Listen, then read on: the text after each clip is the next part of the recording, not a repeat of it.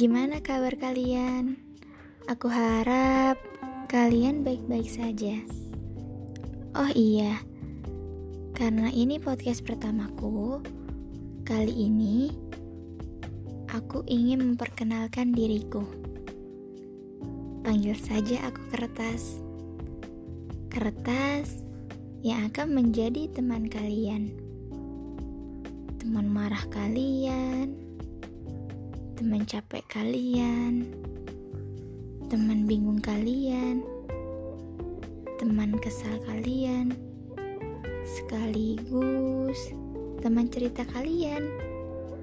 Aku harap kalian tidak akan pernah bosan dengar suaraku. Oh iya, bentar lagi tahun baru kan? Kira-kira apa revolusi kalian di 2022 nanti? Aku harap apa pun itu, tujuan dan cita-cita kalian tercapai.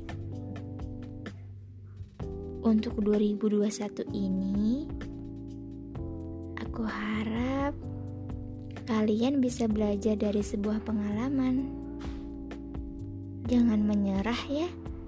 Semoga di tahun depan kalian bisa menjadi lebih baik.